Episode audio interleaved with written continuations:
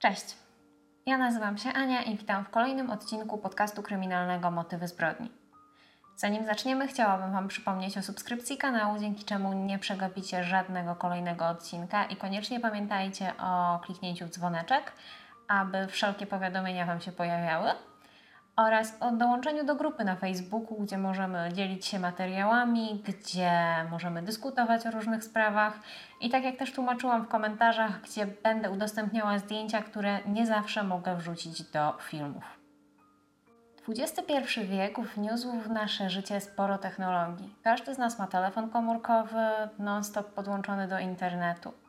Mamy profile na mediach społecznościowych, gdzie ciągle dzielimy się tym, co się dzieje w naszym życiu. Na każdym rogu są kamery monitoringu, które ciągle nas obserwują. Mogłoby się wydawać, że w takim środowisku nie może wydarzyć się nic złego, a tym bardziej, że nikt nie jest w stanie przepaść bez wieści.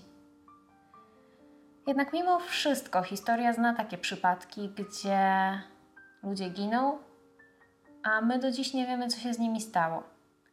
Mimo, że tak jak w historii na przykład Larsa Mitanka, nagrania wideo z momentu tuż przed jego zaginięciem są powszechnie dostępne, nikt nie jest w stanie wyjaśnić, gdzie on jest, co się wydarzyło. I dzisiaj chciałabym Wam opowiedzieć podobną historię.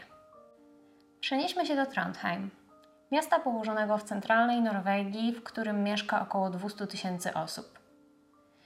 Miasto to w Polsce jest znane głównie z tego, że co roku zimą odbywają się tam zawody w skokach narciarskich. Na przedmieściach tego właśnie miasta, w niewielkiej miejscowości Skaun, mieszka Odin Andre Jakobsen. Mieszka wraz ze swoimi rodzicami Danem i Ingun. Chłopak ma 18 lat, jest wysoki, ma 188 cm wzrostu, ma długie blond włosy i niebieskie oczy. Jak większość nastolatków, bardzo chętnie uprawia sport i cieszy się życiem, tym, że jest młody wraz ze swoimi znajomymi. 17 listopada 2018 roku około godziny 16.43 matka Odina wybiera się na zakupy spożywcze do oddalonego o pół godziny drogi Trondheim. Chłopak postanawia skorzystać z tej okazji, ponieważ planował tego dnia pójść na trening na siłownię, która znajduje się po drodze, więc prosi swoją mamę o to, aby go podwiozła. Kobieta bierze samochód, bo no jednak miasto jest oddalony kawałek, więc jest to najłatwiejszy sposób, aby się tam dostać i wraz z synem wybiera się w tą krótką podróż. Po drodze chłopak jeszcze mówi swojej mamie, że po treningu zamierza spotkać się ze swoim znajomym, który mieszka w Heimdal. Heimdal to dzielnica położona na obrzeżach Trondheim. Kobieta nie ma nic przeciwko, syn często wychodzi sam wieczorem, ale, ale zawsze wraca, zawsze jest z nim kontakt, więc dlaczego miałaby mieć? Kiedy dojeżdżają pod siłownię, chłopak wysiada, żegna się z mamą i idzie na trening. Jednak kiedy ten trening kończy, z jakiegoś powodu nie kieruje się do miejsca zamieszkania swojego znajomego, a wsiada do autobusu, który jedzie do centrum Trondheim. I tam właśnie w centrum tego miasta wysiada na przystanku o 19.48. Być może znajomy napisał mu wiadomość, kiedy ten był na siłowni i, i może po prostu zmienił plan.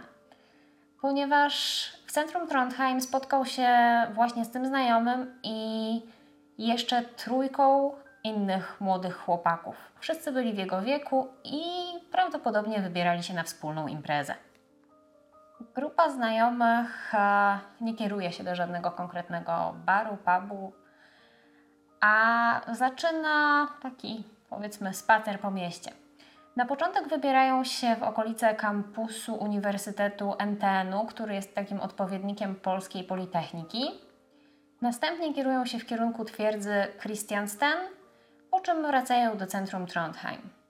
O godzinie 22.07 Odin wysyła SMS-a do swojej mamy z pytaniem o to, aby wysłała mu rozkład jazdy autobusów, które pozwoli mu dostać się z powrotem do domu.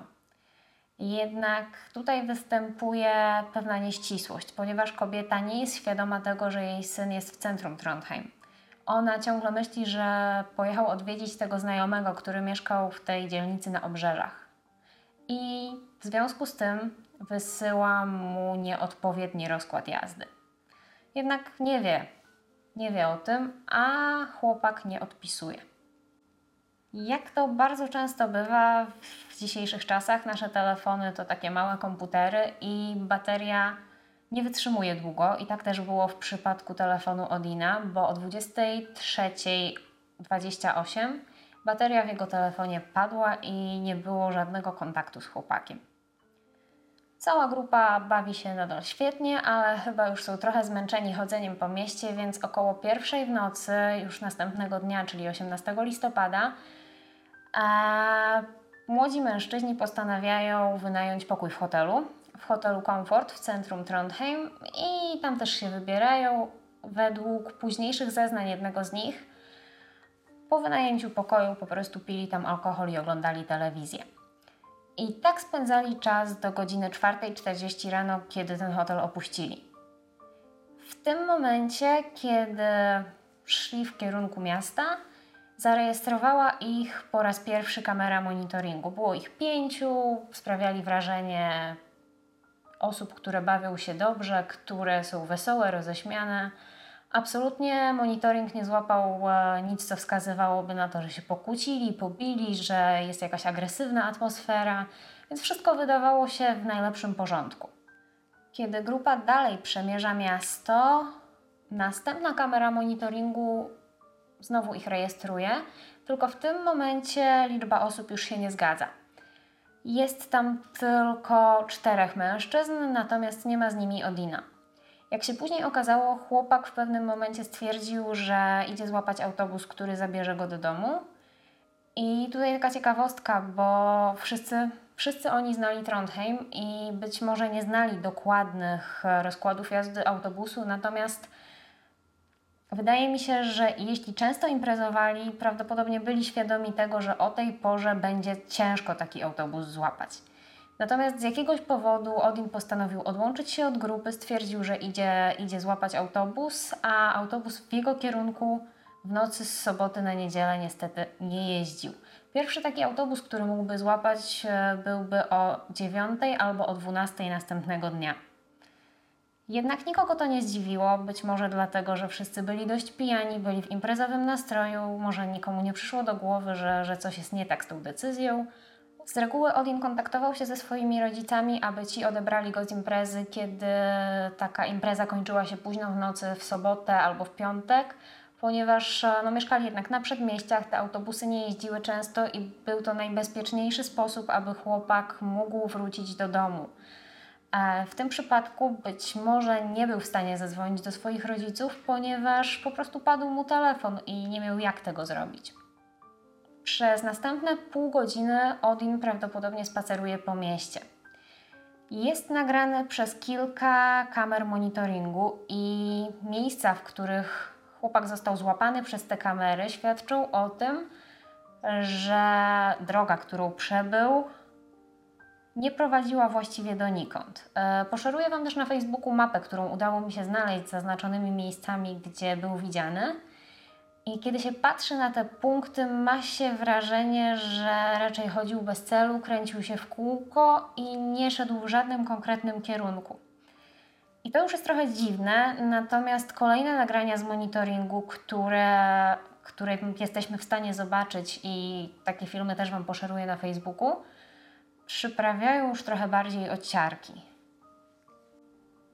Jedno z ostatnich nagrań, gdzie chłopak był widziany, jest nagraniem z okolic portu w e, Trondheim.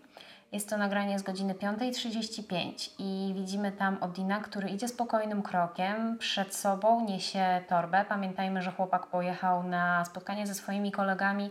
Zaraz po treningu nie wrócił do domu, więc miał ze sobą wszystkie te rzeczy. E, niesie przed sobą tą torbę i w pewnym momencie odwraca lekko głowę w lewo. Wydaje nam się, że mógł w tym momencie coś zobaczyć, bądź usłyszeć, bądź kogoś zobaczyć, i zaraz po tym zaczyna bardzo szybko biec. Nie mamy pojęcia, co spowodowało takie zachowanie. Kolejne nagranie już ostatnie, które ukazuje chłopaka, jest nagraniem z godziny 5.49 z ulicy Fjordsgatan 36, gdzie już idzie normalnym krokiem, wydaje się spokojny, być może uciekł od niebezpieczeństwa, które widział, albo, albo może ktoś jechał za nim, nie wiemy tego. Natomiast w tym momencie wydaje się być już spokojny, opanowany i dalej podążać w swoim kierunku, który niestety nie jest znany. W niedzielę Odin nie pojawia się w domu. Jego rodzice czekają do popołudnia. Mają nadzieję, że po imprezie wróci, że być może nocował u swojego kolegi. Nie są w stanie się z nim skontaktować, ponieważ jego telefon padł, jak pamiętamy. Jednak kiedy nie pojawia się w domu po południu, rodzice idą na policję i rozpoczynają się poszukiwania chłopaka. Szukają go rodzice, znajomi oraz policja. Norweska policja ma dużą nadzieję na zdobycie jakichkolwiek informacji poprzez telefon, który chłopak miał przy sobie. Mają nadzieję, że uda im się zlokalizować ten telefon. Natomiast okazuje się to niemożliwe, bo jak wiemy, około godziny 23.30 telefon został wyłączony z powodu padniętej baterii. I przez kolejne dni w śledztwie w sprawie Odina nie dzieje się nic. Nie jesteśmy w stanie, policja nie jest w stanie znaleźć żadnych dowodów, żadnych śladów chłopaka. Jedyne co mają to te nagrania z monitoringu, które jednak donikąd nie prowadzą i nic im nie mówią. 12 dni później w sprawie pojawiają się nowe tropy. 30 listopada przypadkowy przechodzeń w okolicy, gdzie przedostatnia kamera zarejestrowała Odina, znajduje dość ciekawe znalezisko. W jednym z magazynów, w takiej luce w ścianie, mężczyzna odnajduje kilka rzeczy należących do Odina. A mianowicie był tam paszport chłopaka, jego telefon, karta do bankomatu oraz karta miejska. I co ciekawe, te rzeczy nie zostały tam niedbale upchnięte czy jakoś tak wsadzone, jakby nie wiem, może były zgubione, natomiast zostały dość starannie poukładane. W tym momencie dla policji jest to znak, że na tym terenie trzeba poszukać trochę bardziej i rozpoczynają się dość obszerne poszukiwania. E, przeszukują wodę, która jest nieopodal, jest to rzeka, oraz przeszukują też ląd. W poszukiwaniu na lądzie pomaga Czerwony Krzyż, natomiast jeśli chodzi o wodę, są tam nurkowie, są drony, które pomagają szukać w wodzie, jest straż pożarna, wszyscy szukają czegokolwiek i udaje się znaleźć kolejne ślady chłopaka. 400 metrów od miejsca, gdzie znaleziono pierwsze rzeczy należące do niego, obok konteneru, e, policja odnajduje torbę sportową z rzeczami z siłowni. Jest tam czapka, spodnie, koszulka i but. Policja świadoma tego, że poprzednio z nagrań monitoringu miejskiego udało się uzyskać jakieś informacje odnośnie tego, co Odin robił w nocy z 17 na 18 listopada, postanawia sprawdzić nagrania również na tym terenie. I okazuje się, że chłopak został złapany przez inne kamery monitoringu, a mianowicie o godzinie 6.01 18 listopada, czyli w niedzielę, jest to już takie jakby kolejne nagranie w chronologii tych wszystkich nagrań. Jest widziany przez kamerę, kiedy przechodzi obok białego kontenera, przy którym została znaleziona jego torba. Kiedy policja szuka dalej z nadzieją, że będą w stanie znaleźć coś więcej, jakieś tropy, ślady, być może zobaczą jeszcze raz Odina, pojawia się jeszcze jedna ciekawa informacja. Około 6 godzin po tym, kiedy na miejscu był widziany chłopak, pojawia się tam białe autokombi, które parkuje obok tego białego kontenera. I na chwilę ktoś z tego auta wysiada, rozgląda się, wsiada i odjeżdża. W tym momencie śledztwo znowu na pewien czas zamiera. Wydaje się, że nic się nie dzieje, nie ma żadnych nowych tropów i tak naprawdę wszystkie znaleziska, których dokonano do tej pory, nie prowadzą nigdzie, a Odina nikt nie widział. 24 stycznia 2019 roku norweskie media publikują informacje o tym, że policji udało się uzyskać dane z telefonu chłopaka, które rzuciły jakieś światło na sprawę, natomiast nie ma dalszych informacji, aby te dane w jakiś sposób przyczyniły się do postępów w śledztwie. 14 kwietnia 2019 roku na policję w Trondheim dzwoni mężczyzna, który właśnie dokonał dość ciekawego znaleziska przy jeziorze Jonsvannet. Nie jestem pewna, czy poprawnie to wymawiam. A jezioro to jest oddalone jakieś 12 mil od Trondheim i mężczyzna twierdzi, że znalazł tam spalone w ognisku ubrania. Kiedy policja przyjeżdża na miejsce i sprawdza to znalezisko, okazuje się, że istnieje prawdopodobieństwo, że ubrania należą do zaginionego kilka miesięcy wcześniej Odina Jakobsena.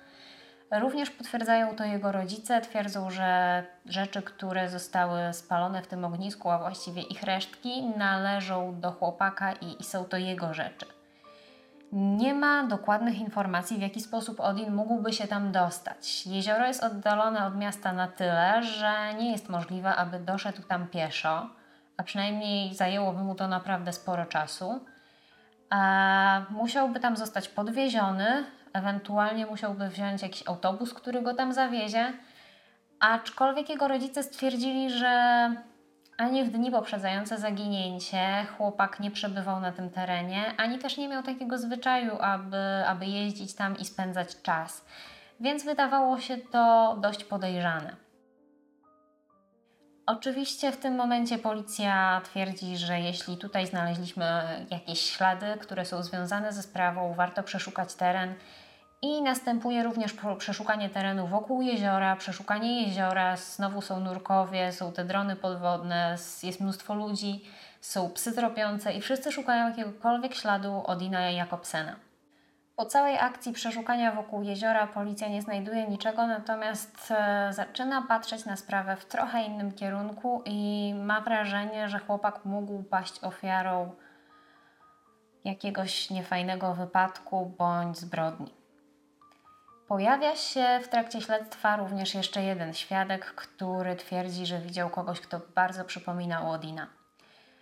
Jest to mężczyzna, który jest rolnikiem i 19 listopada 2018 roku, czyli w poniedziałek, dwa dni tak jakby po zaginięciu Odina, ewentualnie półtora dnia, bo tak naprawdę chłopak był widziany ostatnio 18 w niedzielę, poniedziałek o 8.15 mężczyzna stał przy szutrowej drodze naprzeciwko Molo w Trondheim i ładował drewno do przyczepy.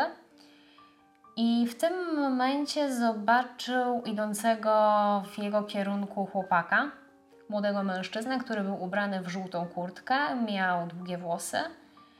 A chłopak ten bardzo intensywnie patrzył e, do dołu, tak na swoje buty powiedzmy, jak, jak się idzie i czasami patrzymy tak bardzo do dołu. I miał taką bardzo zamyśloną minę. Mężczyzna zapamiętał tego chłopaka, ponieważ przyszło mu do głowy, że absolutnie nie jest on ubrany odpowiednio na, taką, e, na taki spacer po lesie, na taką wyprawę po innych drogach niż miejskie chodniki. I kiedy chłopak go mijał, podniósł na chwilę głowę i się do niego uśmiechnął, po czym poszedł dalej. Po półtorej godziny, kiedy mężczyzna skończył swoją pracę z ładowaniem tego drewna na przyczepę, ruszył w kierunku, w którym poszedł chłopak. Miał nadzieję, że może jeszcze go zobaczy i będzie w stanie może go podwieźć albo mu jakoś pomóc. Natomiast po drodze nigdzie go nie widział. Przypuszczał, że chłopak prawdopodobnie mógł skręcić gdzieś w innym kierunku, w mniej uczęszczaną drogę. Po tym, jak policja otrzymała zeznania tego świadka, działania nie zostały z jakiegoś powodu podjęte od razu, ponieważ teren, o którym mężczyzna mówił, został przeszukany dopiero we wrześniu 2020 roku. Niestety nie znaleziono tam żadnych śladów, które mogłyby naprowadzić na miejsce pobytu Odina, ani chociażby na to, co mogło się z nim stać. A po jakimś czasie w norweskiej telewizji pojawił się również odcinek o zaginionym, i w tym momencie zaczęły napływać liczne informacje o tym, kim mógł być kierowca białego samochodu, który został zarejestrowany przez kamery monitoringu w porcie. Okazało się, że jest to osoba, z którą policja rozmawiała już wcześniej, która była przesłuchiwana w tej sprawie. Mężczyzna został zaproszony na kolejne przesłuchanie. Zadano mu pytania odnośnie tego, dlaczego nie skontaktował się z policją, dlaczego nie powiedział prawdy, dlaczego nie przyznał, że był tym mężczyzną. I w tym momencie okazało się również w trakcie tego przesłuchania, że to ten mężczyzna jest odpowiedzialny za podpalenie ubrań chłopaka. Powiedział, że znalazł je na molo w Trondheim, że zabrał te ubrania, a kiedy zorientował się do kogo należą, spanikował, wystraszył się, że będzie miał z tego powodu problemy oraz te ubrania podpalił. Oczywiście w tym momencie, kiedy okazało się, że mężczyzna już raz skłamał, policja nie była tak chętna, by wierzyć w jego wyjaśnienia i jego dom został przeszukany, jego samochód został przeszukany. Sprawdzono również jego komputer i telefon. Jednak nie udało się odnaleźć nic, co mogłoby wskazywać na to, że mógł on zrobić chłopakowi jakąś krzywdę albo pomóc mu z ucieczką. A mężczyzna został oskarżony o składanie fałszywych zeznań oraz o utrudnianie śledztwa, natomiast e, nie przyczyniło się to do żadnych postępów w śledztwie w sprawie Odina. A policja nadal prowadzi sprawę zaginięcia chłopaka i do dzisiaj niestety nie wiadomo, co się mogło wydarzyć wtedy. E, brane są pod uwagę cztery różne rozwiązania, a mianowicie mówi się o tym, że mogła to być ucieczka z własnej woli, mogło to być zabójstwo, mogło być to porwanie, a także mówi się o tym, że mogło być to samobójstwo ze względu na to, że chłopak odłączył się od swoich znajomych na własne życzenie, e, nie miał autobusu do domu, którym miał wrócić, nie kontaktował się z nikim. Również był pod wpływem alkoholu, co czasami wzbudza jakieś negatywne, e, negatywne emocje i, i może nam pogorszyć humor. Więc podejrzewa się, że, że mogło to być również samobójstwo, natomiast nigdy nie odnaleziono żadnego ciała, więc chłopak być może prawdopodobnie ciągle żyje i jest gdzieś, natomiast nikt nie jest w stanie go odnaleźć. To już koniec tej historii. Miejmy nadzieję, że niedługo się rozwiąże i, i poznamy historię do końca. Dajcie znać w komentarzach, co wy myślicie na ten temat, jakie są wasze teorie i czy o tej sprawie słyszeliście. A według mnie jest bardzo ciekawa. Dziękuję Wam za wysłuchanie do końca. Dbajcie o siebie, dbajcie o swoich znajomych i zawsze bądźcie pewni, że wrócili do domu bądź są bezpieczni. Cześć!